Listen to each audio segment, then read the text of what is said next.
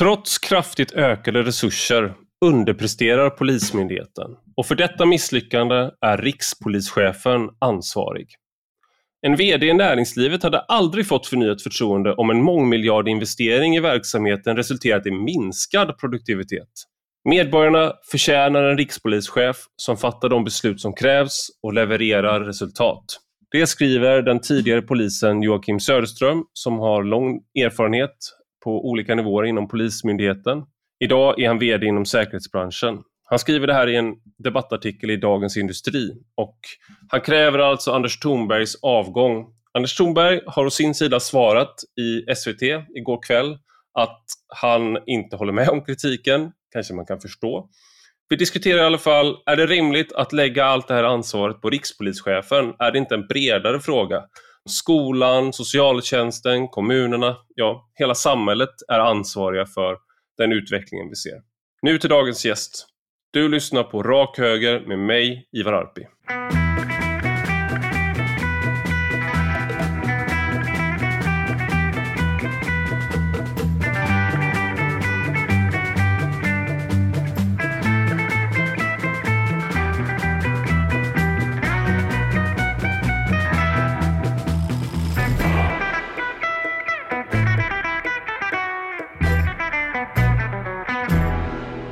Välkommen Joakim Söderström till Rak Höger. Tack så mycket. Första gången vi pratade så handlade det om eh, kameraövervakning. Eh, och då jobbade jag på Svenska Dagbladets ledarsida. Och du, jag tror du tog kontakt med mig, eller om vi fick kontakt via Twitter. Mm. I alla fall så var du den personen på polisen som eh, i ganska hård motvind, får man nog säga, lyckades få upp fler kameror. Stämmer det?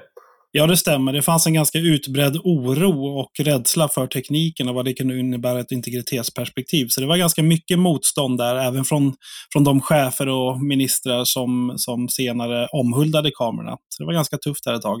Jag kommer ihåg när jag skrev om det då, då var det ju liksom, det var, jag använde dig som bollplank och fick information och sen så liksom, skrev jag, jag tror jag tog upp att vi hade det var jag tror 20 000 kameror i tunnelbanan och sen så var det typ tre vid den tidpunkten, eller om det var typ sju eller någonting i hela Stockholm i övrigt som övervakade. Extremt få i alla fall. Och då att när eh, terroristen på Drottninggatan, när han eh, blev fångad så var det till stor del tack vare bevakningen i tunnelbanan. Men jag kommer ihåg att mycket kritik som, som jag fick då, eh, och med andra ord du också får man väl säga, eh, det var ju från Morgan Johansson och från Socialdemokraterna.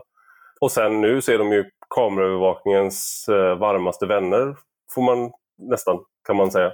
Ja, det var så komiskt. Jag kommer ihåg att, eh, att bland annat Morgan Johansson då uttalade sig kritiskt innan vi så att säga hade fått med oss opinionen. Och när jag avslutade, när jag slutade på Polismyndigheten så hade vi en konferens och då var Morgan Johansson där som gästtalare. Och det var, det var så surrealistiskt för där stod Morgan Johansson, justitieminister, och hyllade mig och mitt arbete min sista dag inom polisen och sa att det här var någonting han alltid hade arbetat för. Han hade alltid stöttat mitt arbete.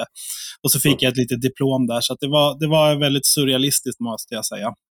Det är nästan, eh, nu ska vi, vi, ska inte bli för politiska kanske, eh, för det, här, det var inte eh, sådär, eller partipolitiska, men det är lite likt hur Magdalena Andersson och flera andra ledande socialdemokrater nu säger att nej, det, det som står i Tidöavtalet är inget paradigmskifte för migrationspolitiken. Paradigmskiftet var när vi la om migrationspolitiken 2015 så att de är liksom på något sätt, de lägger sig till höger om Tidöavtalet eh, nästan i sin retorik.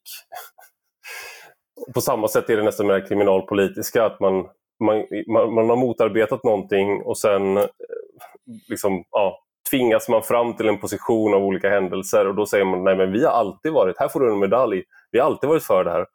Ja, det är intressanta tider vi lever i onekligen. Jag ska inte dra dig in eh, längre i det här. Det är inte därför jag har bett dig att komma. utan eh, Du har skrivit en väldigt intressant debattartikel. Jag ska också säga att du jobbar ju inte, som du sa, du jobbar inte längre inom Polismyndigheten utan du jobbar inom säkerhetsbranschen sedan några år tillbaka. Och Du skrev en debattartikel i Dagens Industri och den har blivit mycket uppmärksammad. Eh, och I den skriver du så här, jag tänkte jag skulle citera lite grann. Under Anders Tornbergs snart fem år som rikspolischef har han fått vad andra myndighetschefer bara kan drömma om. Mångmiljardtillskott, tusentals nya anställda, utökade befogenheter och över 50 lagskärpningar. Dessvärre har resultaten uteblivit och på avgörande områden försämrats. Vad är det som sker? Alltså vad är det som sker på Polismyndigheten egentligen? Ja, Polismyndigheten har ju dragits med en lång långtgående oförmåga att leverera resultat och det har varken börjat och kommer väl sannolikt heller inte sluta med rikspolischef Anders Thornberg. Utan om vi tittar tillbaka lite så ser vi att det fanns ju ett skäl till att man omorganiserade polisen där 2015 och det var ju just på grund av bristande resultat. Men det som är lite intressant och som har hänt däremellan att när vi då i början av 2010-talet pratade väldigt mycket om resultat, varför är inte uppklaringen bättre, varför är genomströmningstiderna så långa, varför klarar vi inte tidsfristerna, så är det helt bortglömt idag. Allt handlar idag om att bara pumpa in så mycket resurser i, i, som möjligt i Polismyndigheten. Och det är ingen som ställer sig frågan, vad gör de för våra pengar och, och vad kan vi förvänta oss resultat och när kommer de resultaten? Jag vill också poängtera det att jag är en väldigt stor polisvän. Jag är eh, Polismyndighetens största fan och vill att det ska gå bra för alla våra duktiga poliser och civilanställda. Men det är på något vis sorgligt när vi ser resultaten och det är väl lite drivkraften till att varför jag har initierat den här debatten. Det, det är lite den här känslan att man inte får kritisera polisen. Att det har blivit en sån här, att man är, som du nu poängterar, det är lite som en sån där jag är inte rasist men, alltså det är den här brasklappen att man måste verkligen säga att man är en polisvän innan man kan kritisera polisen. Och jag, jag tänker att det är en självklarhet att man inte vill poliser illa om man inte är då kriminell. Men varför, håller du med om det? Att det har liksom blivit som att man, om man pratar om organisationen inom polisen eller om de här olika problem i styrning. Det kan man göra i andra myndigheter. Det kan man göra i skolans värld när man pratar om att de har för mycket liksom, pappersarbete som är utöver tiden de kan vara i klassrummet till exempel.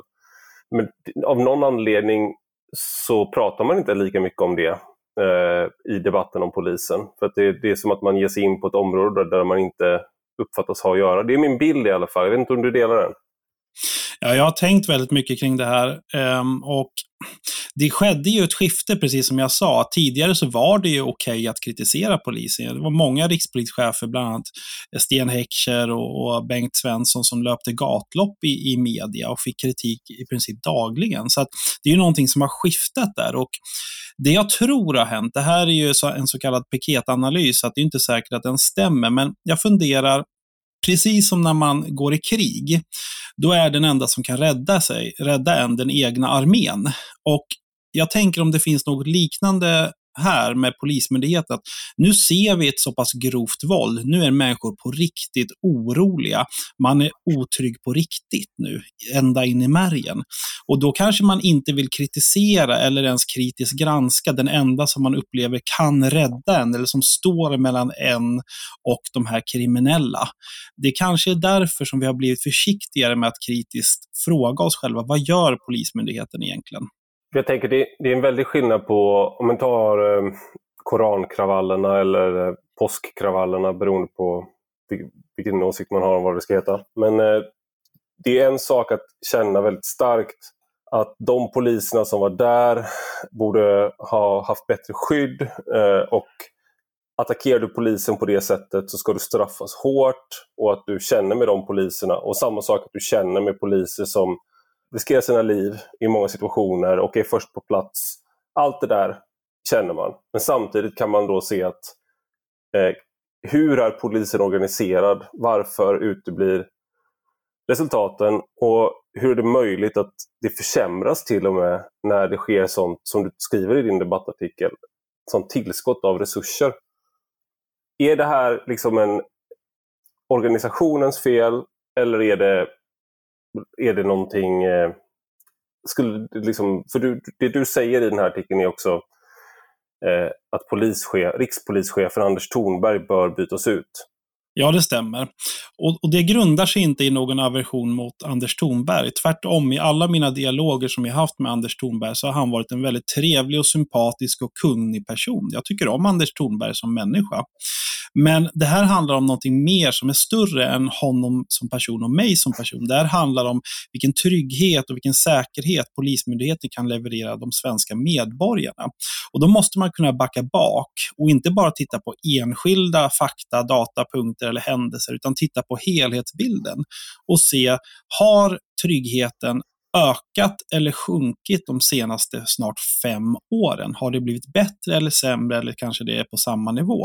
Och Jag skulle vilja säga att det har blivit avsevärt sämre på ganska många punkter och det har på i princip ingen punkt jag känner till i alla fall blivit bättre. Och Det är oerhört sorgligt och då måste det till ett typ av ansvarsutkrävande för det spelar ingen roll hur hur duktig eller hur, hur trevlig man än må vara, om resultaten är så pass dåliga att människor går runt och är rädda. Och det heller inte finns någon positiv trend.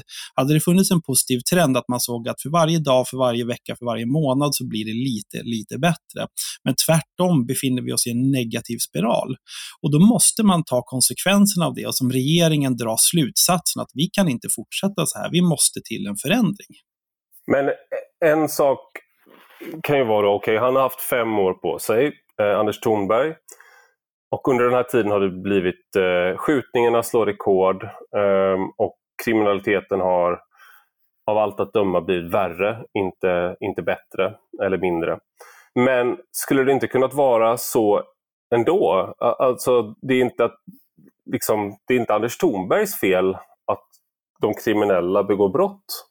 Så är det, är det liksom att, att skjuta på något sätt på fel, eller gå, gå till fel ställe med kritiken, att det har att göra med honom.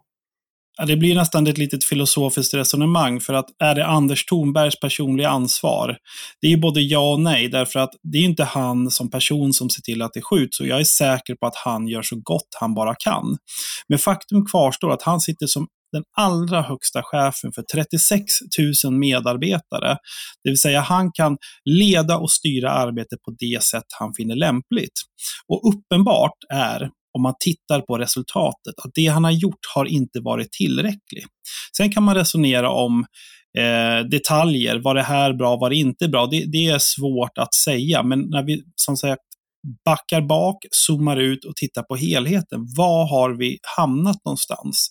Då ser vi att Polismyndigheten underpresterar trots enorma resurstillskott. Och jag vill poängtera, det är över 6 000 fler polisanställda med 9 miljarder kronor per år mer och det kommer öka till 10-11 miljarder år 2023. Och man har fått massa fler befogenheter, fler är på gång, men rikspolischefen, han är ansvarig för det här det är så, att det är tufft på toppen.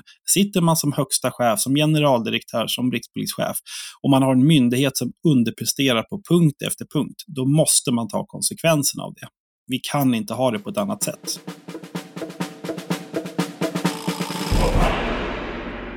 Du skriver också om svensk polis hade varit ett aktiebolag eh, och ägarna skjutit till så mycket pengar men resultaten bara blivit sämre, då hade vdn fått sparken.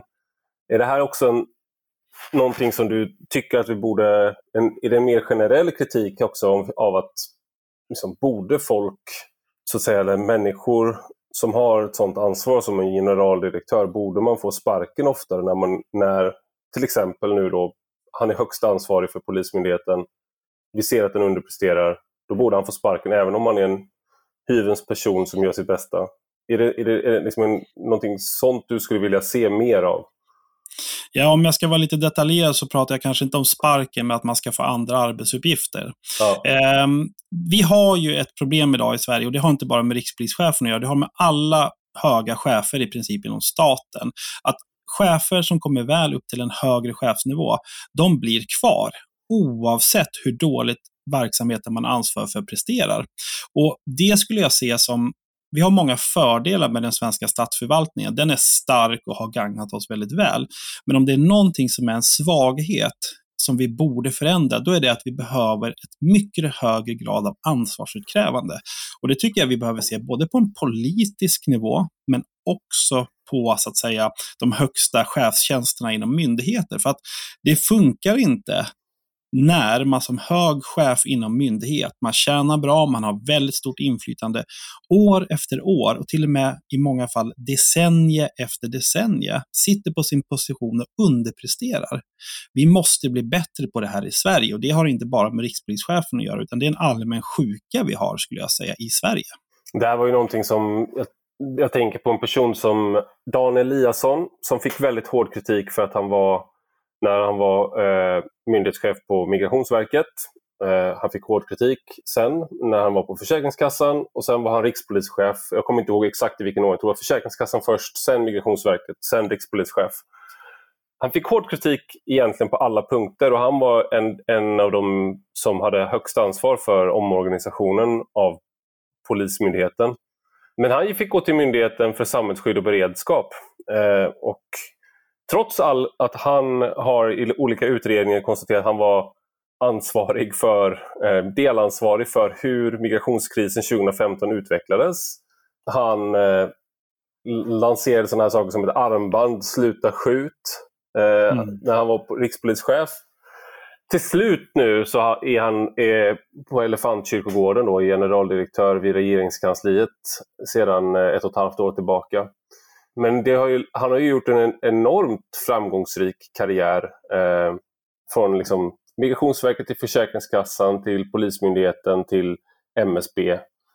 Så det tycks ju bekräfta det du, det du säger, om man bara tar honom. Han är ju inte den enda såklart, utan det finns ett antal här. Och det, då är det just den här, varför kan man inte utkräva ansvar eh, för, alltså den nya regeringen har uttryckt förtroende för Anders Thornberg.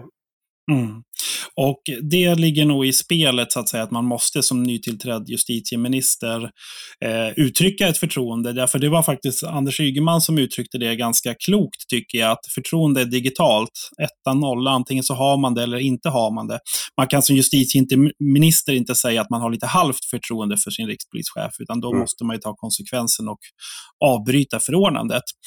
Vad gäller till exempel den tidigare rikspolischefen Dan Eliasson, han är ju ett lite speciellt exempel därför att han hade ju en, en en annan eh, roll också. Förutom så att säga att han var generaldirektör så var han ju även ute och agiterade så att säga. Han blev ju även politisk och det var ju det som retade upp väldigt många. Att han drev en bild så att säga. Förutom att han då var generaldirektör och, och ledde verksamheten så, så uppfattades han ju då ha ta ställning i debatten och det var väl kanske det som stack ut lite gällande honom som generaldirektörer generellt sett inte gör. Mm, just det. Jag tänkte en annan sak som du tar upp är ju hur då, om man går in lite mer detalj på organisationen så skriver du så här, polisens kommunikation gentemot medborgarna, media och politiker är inte sällan vinklad i syfte att undgå kritik. Dödsskjutningar och sprängningar kan både minska och öka, men oavsett utfall är det alltid ett resultat av polisens framgångsrika brottsbekämpning. I varje fall om man får tro polisens närmare 200 kommunikatörer och PR-strateger. Alltså, varför, är poli varför har man så många kommunikatörer? Är det medias fel? Alltså är det vårt fel för att vi hela tiden är på polisen då och vill ha svar? Så då måste de anställa fler kommunikatörer?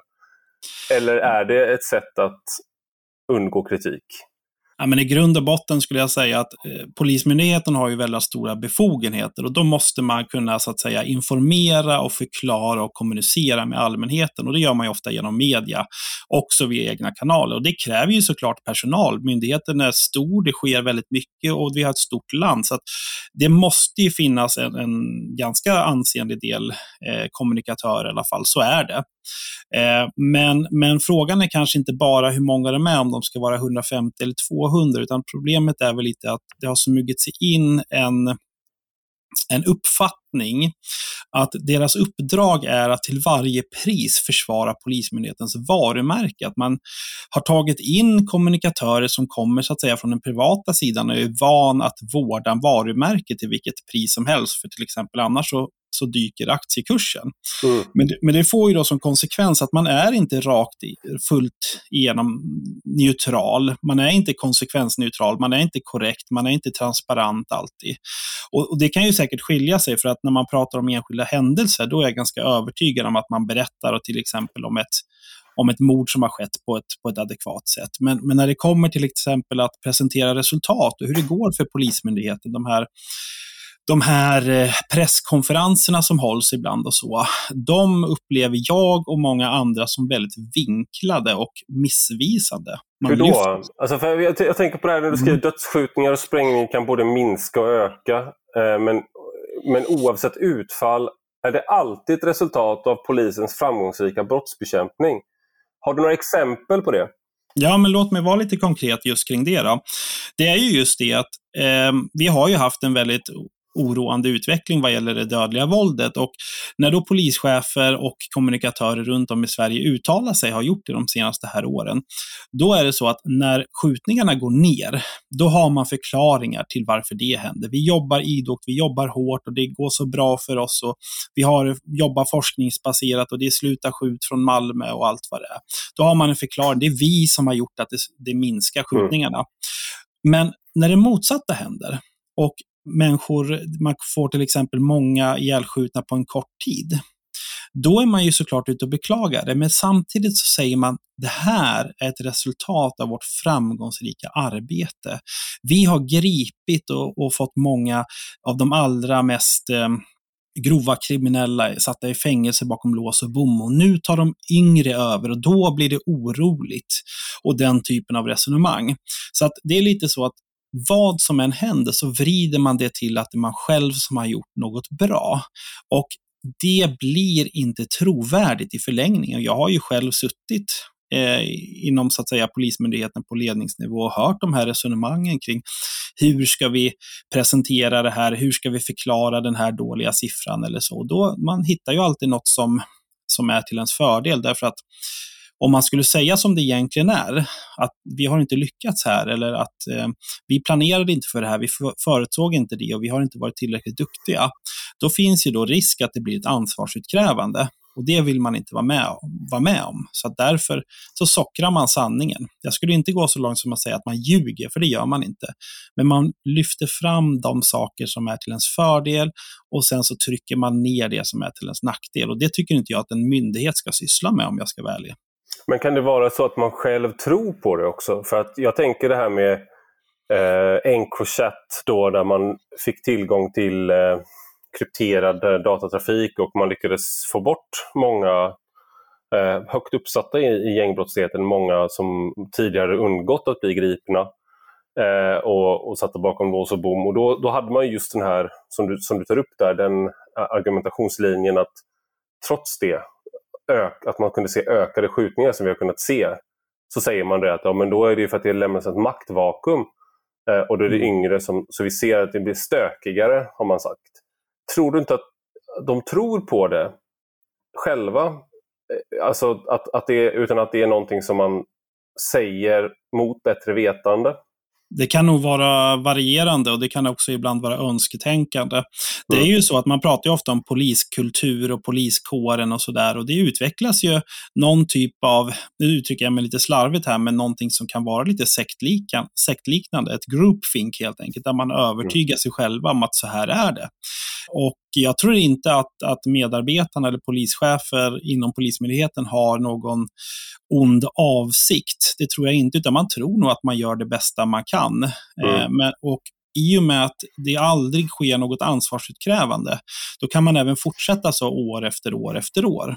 Mm. Så att jag, jag, tror nog man har goda avsikter egentligen. Man tror att man gör det bästa. Och så är det ju alltid med, med olika typer av till exempel vänskapskorruption. Att när man tar in sin kompis på och anställer som, som chef, då tror man nog att den här, min kompis är bäst att vara, vara den här chefen. Men, men, men så är det ju i realiteten inte. Så man har nog goda avsikter. Jag tänker, för det är en, en kritik som ofta kommer från kriminologer eh, är att eh, och som nu då lyfts fram också i samband med tidavtalet är att man ska eh, konstruera de nya reformerna så att man kan göra kunskapsuppföljningar så att, du inte, så att du faktiskt får reda på effekterna. Så att du redan från början lägger in eh, i, liksom, i konstruktionen att du faktiskt kan följa upp vad det ger för resultat. Och för det är väl är det en del av det här problemet också, att man helt enkelt inte vet vad eh, det man gör ger för resultat. Man kan inte egentligen säga om Sluta skjut i Malmö är det som har haft effekt. Man kan inte säga liksom riktigt vad, det, vad effekten av Encrochat är. Man vet egentligen inte. Men man har en känsla och man har en liksom, erfarenhet av polisarbete och då uttalar man sig utifrån det. Och man vill också att det ska vara så. Det är klart mm. att må många arbetar ju otroligt hårt och gör sitt allra bästa. Och då vill man ju såklart att, eh, det förstår man ju, att, att det man gör ska ge, ge, resultat. Men, men jag tror definitivt det är så att man, man väljer att tolka saker till sin fördel. Och ibland kan man säkert ha rätt att något man har gjort har haft effekt. Mm. Men, men som med Sluta skjut till exempel i Malmö, det var ju, och först var det en succé och sen så när man väl började titta närmare på det så, så blev det ju lite mer mer tveksamt om det verkligen var en succé. Och det mm. tror jag kan prägla ganska mycket. En annan sak som, eh, som går längre in i organisationen är ju den här granskningen i Svenska Dagbladet som de gjorde i somras. Där man vittnade då om, eh, poliser själva vittnade om att lägstanivån var citat horribelt låg i utredningsverksamheten och att polisen är sämre än någonsin på att lösa brott. Att liksom rutinerade utredare lämnar. Eh, så att även när det kommer in, på pappret då, kommer in många nya poliser, på fler utredare, men kompetensen sjunker. Och då var det en enkät också som kom nyligen där 72 procent av poliserna i Region Stockholm uppgav att bristen på kompetens i utredningsverksamheten var den främsta förklaringen till att uppklarningen var så låg. Är det här någonting, en bild som du så att säga delar och spontant så känns det inte som att det är resursbrist eh, som är frågan här. Man kan väl nämna det att de senaste åren har antalet utredare, alltså årsarbetskrafter utredare, blivit 3000 fler. Men resultaten har alltså blivit sämre på många håll och på andra håll bara stagnerat, stått stilla, men på inga håll i princip blivit bättre. Så det är mm. någonting som är allvarligt fel där. Eh, vi har ju fått en låg status på utredningsverksamheten och det är lite märkligt därför att tidigare, om vi backar tillbaka en 10-15 år, då kallades det för kriminalpolisverksamhet och det var det som hade allra högst status inom Polismyndigheten. Det var där de bästa fick komma, de mest erfarna, dit man fick söka sig när man väl hade visat vad man gick för. Nu tvångskommenderas oerfarna civila och poliser och sjätteterminare och sjundeterminare till att till och med utreda de allra mest grövsta brotten. Och det finns mycket saker att göra här, att arbeta med attraktiviteten, att jobba med grad, löner, handledning, vidareutbildning och massa olika saker. Men, men att utredningsverksamheten inte fungerar, det står helt klart. Och det tror jag alla vet som har, ut, som har anmält ett brott. Att att eh, knappt man hinner anmäla klart innan, anmäla, innan utredningen är nedlagd. Och det kan vara trots att det finns bra bevis. Man har till exempel en, en film på, på en person som gör någonting där man ser ansiktet. Och det finns många eh, exempel på där man inte utreder där man borde göra, eller, eller där, där utredningar håller en alltför dålig kvalitet. Så att utredningsverksamheten är verkligen ett sorgebarn inom Polismyndigheten och det måste man jobba med. Det låter ju fullkomligt absurt i mina ögon. Som, som utomstående då till Polismyndigheten så är det ju, om man inte lyckas lösa, upp, lösa brotten, då spelar det ingen roll om man har jättehårda straff eller att man är att poliser syns på gator och torg. Det är klart att det kan vara avskräckande och förtroendebyggande. Men det, det, det här, det, det, du tar upp i texten också i samband med att du tar upp det här med att det är fler 3000 fler eh, brottsutredare, det är att man de, det totala antalet ärenden som polisen årligen redovisar till Åklagarmyndigheten har alltså sjunkit under samma period. Eh, från 58 000 ärenden 2010 till, eh, och så på 11 år senare, så har, man, har det sjunkit med 5 procentenheter. Jag tror att, om, om jag minns den siffran rätt, så är den minskningen är 58 000 ärenden. Ja. Ja, minskningen är 58 000 ärenden, precis. Ja. ja. Det står här. Det borde ju vara tvärtom, tänker man. Mm. Mm.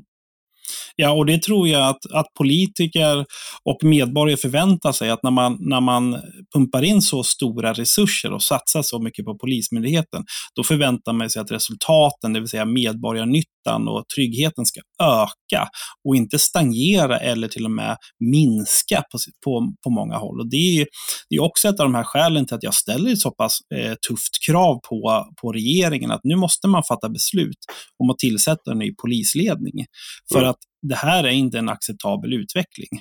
Han menar ju då, Anders Thornberg, när han fick frågan igår kväll i eh, Rapport, tror jag det var, SVT, att eh, han sa att ja, han jobbar inte i Polismyndigheten, sa han om dig. Och sen sa han att den kritiken känner han inte igen. Du tog upp då i intervjun att du har daglig kontakt med vänner och kontakter inom Polismyndigheten.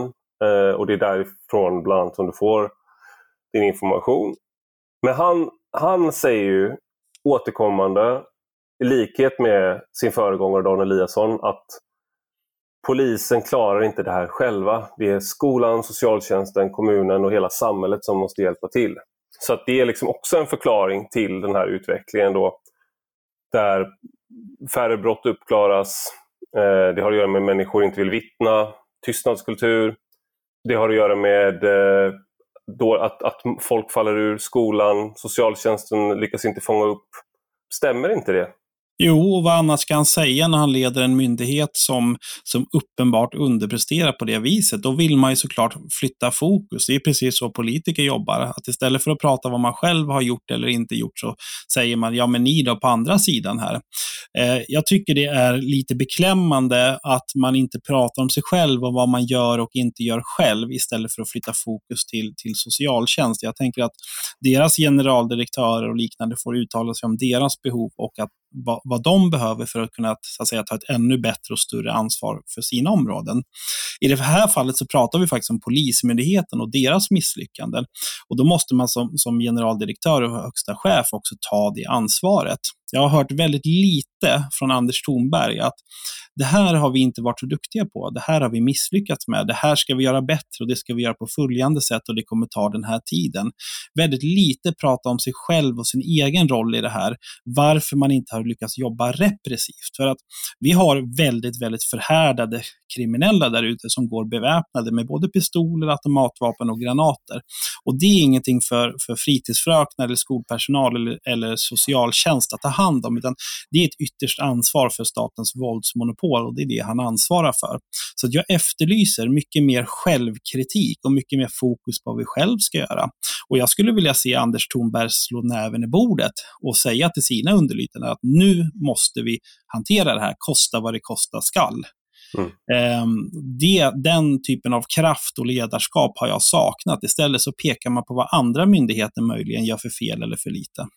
Samtidigt då kan man ju, om man kollar på rapporter om hur polisen jobbar i utsatta områden så är det någonting som återkommer är att polisen får, får sköta många, upp, många fler uppgifter där än när de jobbar mot eh, mer välbärgade områden och liknande. Då. Och då, man skulle kunna tänka sig att det är det de syftar på, att polisen får ha för många arbetsuppgifter där, att man ska liksom både vara stödperson åt de kriminella som kanske vill hoppa av samtidigt som man ska vara repressiv, samtidigt som man du ska bygga relationer med eh, medborgarna och så sen om det är någon som mår dåligt så kanske du måste också sådär. Och att polisen får en väldigt tung roll där och, därför, och det klarar man inte samtidigt som man ska lösa brotten. Men, ligger det inte någonting i det där att, det, att, att de andra myndigheter är, är för frånvarande? Jo, att vara polis, det är oerhört komplext och väldigt brett. Man måste vara mångfacetterad och man måste ha en palett av olika typer av egenskaper, erfarenheter och kunskaper. Det är så att man måste ibland verka stödjande och kunna prata och hela den biten och ibland vara repressiv. Det har alltid ingått i polisyrket. Det är inget nytt som har skett. Det har alltid varit så. Ända sedan 50, 60, 70, 80-tal och så vidare. Det är inget som har hänt nu, utan det ligger i själva yrkesrollen. Att andra myndigheter också behöver kliva fram och också göra ett ännu bättre arbete. Det är helt otvivelaktigt så. Men det är någonting för de myndigheterna att hantera. Och man kan inte stå och kasta sten i glashus och säga att andra måste göra mer, där den egna verksamheten uppenbarligen inte levererar tillräckligt själv. Det är min ståndpunkt i det här och det vet jag många, många poliser som håller med om och är oerhört frustrerade över. Man använder inte Polismyndighetens fulla potential här. Vad är det som saknas? För att jag tänker, nu har vi, får vi då en ny regering, vi har en ny justitieminister och det här är i tidavtalet som regeringen tog fram tillsammans med Sverigedemokraterna så är eh, ihop med migration och energi eh, så är kriminalpolitiken den viktigaste delen. Eh, det handlar om visitationszoner, dubbla straff för gängkriminella, eh, anonyma vittnen, kronvittnen. Man ska utreda de här sakerna, så en del av dem är, eh, kommer dröja. Och Sen är det också eh, man tar bort rabatter, straffrabatter och liknande. Är, är, det, är det det här som, kommer det här leda till att man, alltså är, är det det här som har saknats för polisen? Eller är det någonting annat som, som du efterfrågar? De saker som du räknar upp är efterlängtade, det är bra och det är positivt och kommer säkerligen att ha en viss effekt. Jag tror att vi går på kriminalområdet en ljus tid till mötes vad gäller själva lagstiftningen. Till exempel att man tar bort straffrabatterna är oerhört välkommet. Det jag sagt är att regeringen tar nu en risk om man inte byter ut rikspolischefen. Därför att medborgarna har velat ha ett maktskifte och det har såklart med andra frågor också att göra, men till stor del på grund av kriminaliteten.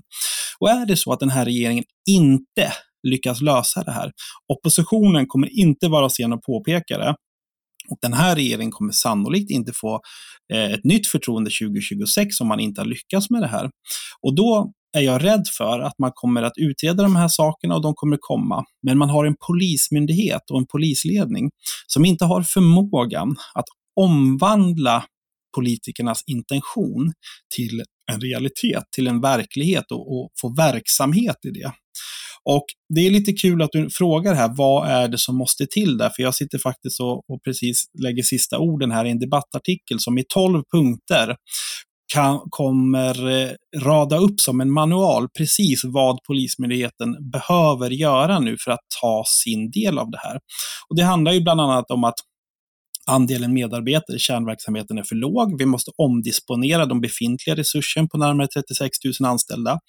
NFC utgör en stoppkloss. Vi behöver se till att de eh, och det är de som utreder Nationellt forensiskt centrum som, ut, som, som när det är DNA-prover till exempel på mm. en pistol mm. eller liknande. Mm. Men på grund av att, att det tar så lång tid och de är så, de är så mm. få, så till exempel om man skickar in en pistol så kollar de bara en del av pistolen eh, till mm. exempel. Och, och, så när man väl får mm. tillbaka resultaten så är de inte tillräckligt eh, kompletta för att, ibland för att ta utredningen vidare. Nej, precis. Jag pratade med en åklagare senast igår som berättade att de har så långa väntetider på misstänkta så att de får släppa dem från häktet och, och, och, ofta välja att gå upp i rätten utan den där avgörande bevisningen. Därför det vore oproportionerligt att låta personen sitta kvar i häktet så länge för det brottet. Så mm. då går de hellre upp i rätten utan att ha alla bevis som de egentligen skulle ha för att de väntar från NFC. Det här och 12 eh, andra, eller totalt 12 förslag kring hur man kan arbeta internt inom polisen, alltså beslut som man äger själva, som borde ha fattats för länge, länge sedan, kommer jag nu rada upp här som Polismyndigheten kan gå vidare med. Jag har ju mm. såklart ingen förhoppning om att de kommer att göra det, eller jag har ingen... Jo, men nu, nu, när, nu när de hör den här podden så tror jag att då är vi på god väg. Ja, jag tror nog inte jag ligger på deras bästa lista här. För att det, det, är ju sällan så. Ingen organisation gillar ju kritik. Och, och eh, Anders Thornberg var ju väldigt tydlig med att jag jobbar ju inte inom polisen, så att varför, varför uttalar han sig ungefär, eh, mm. var ju det han sa indirekt. Så att, men jag, jag kommer i alla fall att, att rada upp ett antal beslut här som man själva äger, som man själva kan fatta för att få ordning på din egna verksamhet och vända det här dysfunktionella till något som faktiskt är funktionellt. Mm. För att det ska vi veta att Polismyndigheten har oerhört mycket bra som talar för sig. Man har duktiga medarbetare, man har skärpta medarbetare som vill väl och som kämpar hårt. Så att om mm. vi bara får till en bra styrning och, och justerar till ett antal saker, då kan det här bli riktigt bra. Man har de rätta byggstenarna, men man har inte den som har satt ihop legot ordentligt. Just det, och du som pappa vet hur man sätter ihop lego. Du kan lära dem, precis som du har lärt dina barn, så kan du lära dem nu hur vi sätter ihop de här legobitarna. Och jag som fyrbarnsfar hjälper gärna till. Ja, men räkna upp de här 12 punkterna nu då, så, så ser vi vad, vad det bär oss. Ja, men andelen medarbetare som sagt i kärnverksamhet är för låg och då menar jag att man måste omdisponera redan befintlig resurs så att man kan frigöra tusentals årsarbetskrafter till och tillföra dem till kärnverksamheten. NFC som vi pratade om, där måste man tillskjuta resurser för att i första hand, ett första steg halvera väntetiderna på alla, alla Eh, mm. tider där. Vi har en dysfunktionell ledningskultur. Polisen har ett auktoritärt och otidsenligt hierarkisk ledningskultur som premierar riskminimering. Och vi får rädda chefer som bromsar utveckling. Det måste vi rätta till. Områdespolisverksamheten som jag var inne på är väldigt underdimensionerad. De är för få och de används för att täcka luckor till till exempel ingripande verksamhet. Och de måste fredas och de måste bli 2000 totalt. Mm.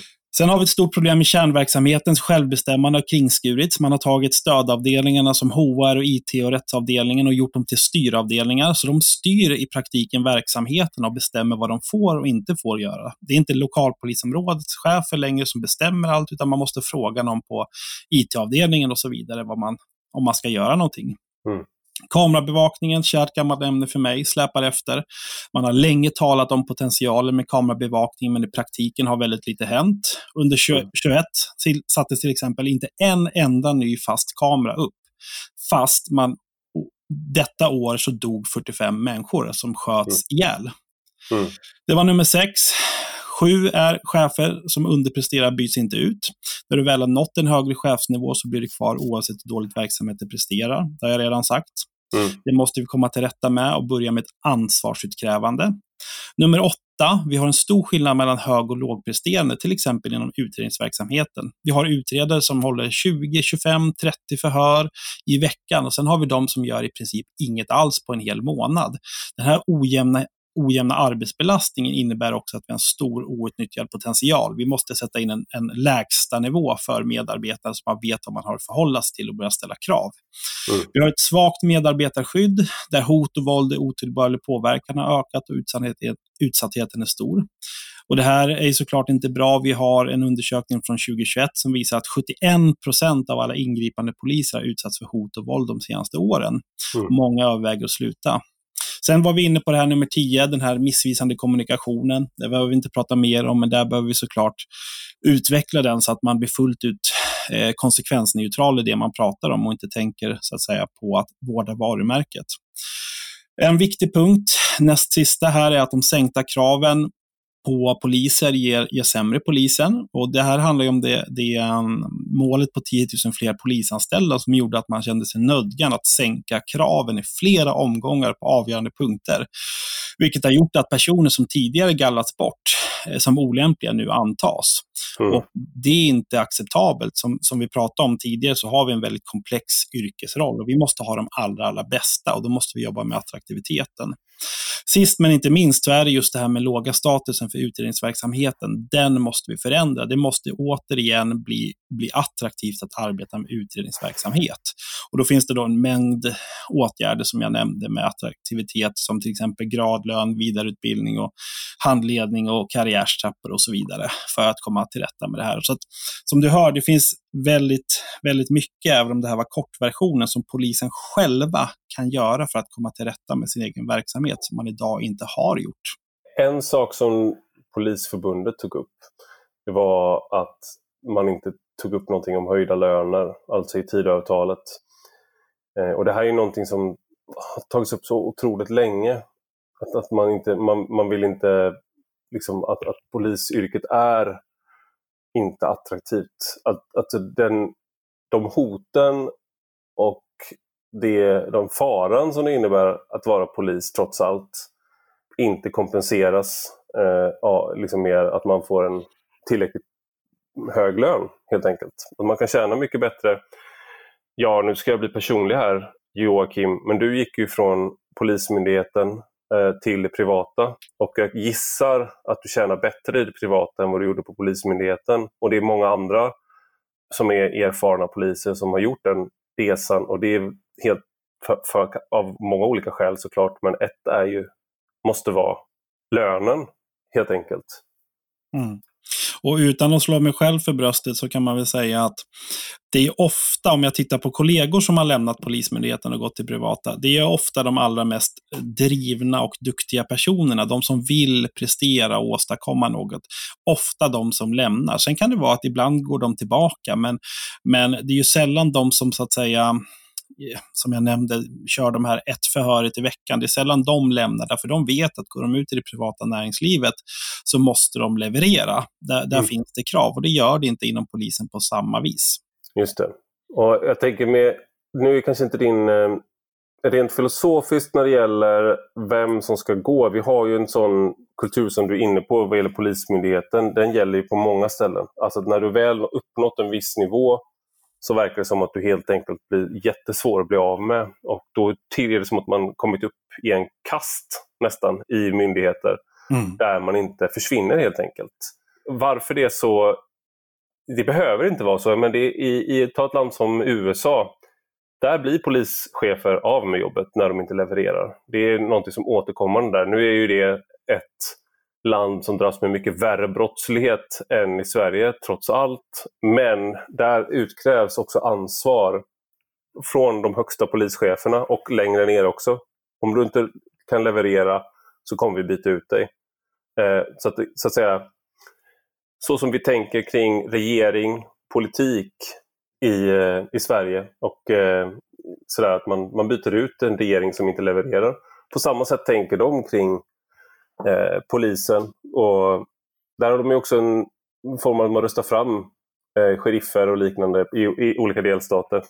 Men i Sverige så är det där ofint. Jag skulle säga att du har, du, du har gjort någonting här nu med den här debattartikeln som är ett outtalat, en outtalad regel och det är att man inte ska kräva eh, avgång för höga tjänstemän. Av någon anledning så är det lite ofint.